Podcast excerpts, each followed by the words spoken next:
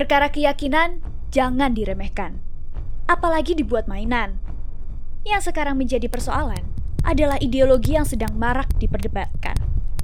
Dari dulu, di sekolah kita diajarkan yang namanya perjuangan pahlawan bukan bohongan. Selama perumusan ideologi negara, banyak dilakukan pertimbangan dan penyesuaian. Kembali lagi, yang jadi pertanyaannya, kenapa seolah-olah substansinya diragukan hingga ingin dipersempit artiannya dan tidak diperhitungkan regulasi yang seharusnya jadi pertahanan ideologi yang krusial. Seolah-olah ideologi ingin diganti dan dijadikan undang-undang. Dengan alasan ideologi baru dapat membawa kedinamisan seiring perkembangan zaman. Lagi-lagi, mari saling mengingatkan Bukannya undang-undang telah dengan kuat menyatakan kedinamisan dan kemutlakan Pancasila?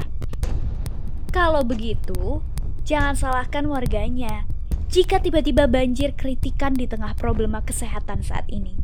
Dari aksi demonstrasi, pengumpulan petisi, hingga peretasan oleh para hacker sebagai wujud aspirasi.